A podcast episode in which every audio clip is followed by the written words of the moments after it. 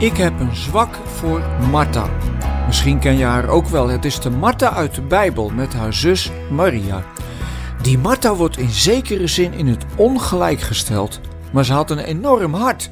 Gastvrijheid was een heilige plicht in de tijd van Jezus. In onze tijd trouwens ook, maar dat moet je eens proberen uit te leggen aan iemand die in het asielzoekerscentrum in Ter Apel moet verblijven.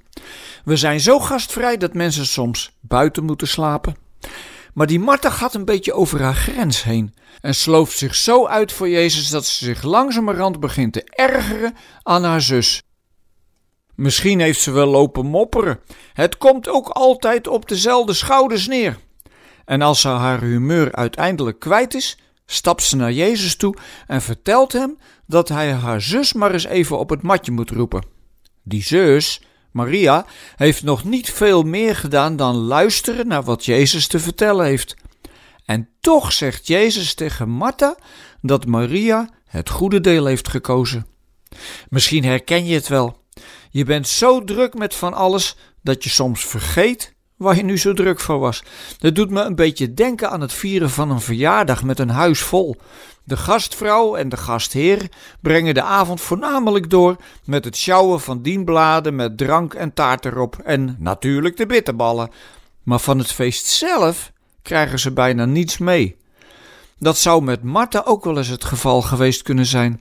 Ze was zo druk en bezorgd over alles wat er voor de gasten moest gebeuren, dat ze een beetje vergat dat Jezus zelf is gekomen om te dienen.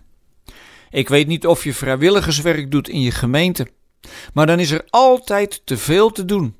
En in dit Bijbelstukje hamert Jezus erop dat je altijd weer terug moet naar de basis. Waar doe ik het allemaal voor? En dan niet als wanhoopskreet van waar doe ik het in hemelsnaam allemaal voor, maar gewoon jezelf focussen op de basis van je handelen. Want als je dat niet doet, ga je vast ook mopperen op degenen die niet zo hard lopen als jij. En voordat je het weet, heb je net als Martha een oordeel klaar. Eigenlijk probeert ze Jezus voor haar karretje te spannen als ze het zelf niet meer trekt. Er is misschien wel niet eens ruimte voor Jezus, ondanks al haar goed bedoelde gastvrijheid. En dan gaat zijn liefde niet regeren, maar de frustratie over al die andere mensen die hun handen niet uit de mouwen steken zoals zij. Het is vast niet toevallig dat dit verhaal meteen naar de barmhartige Samaritaan verteld wordt.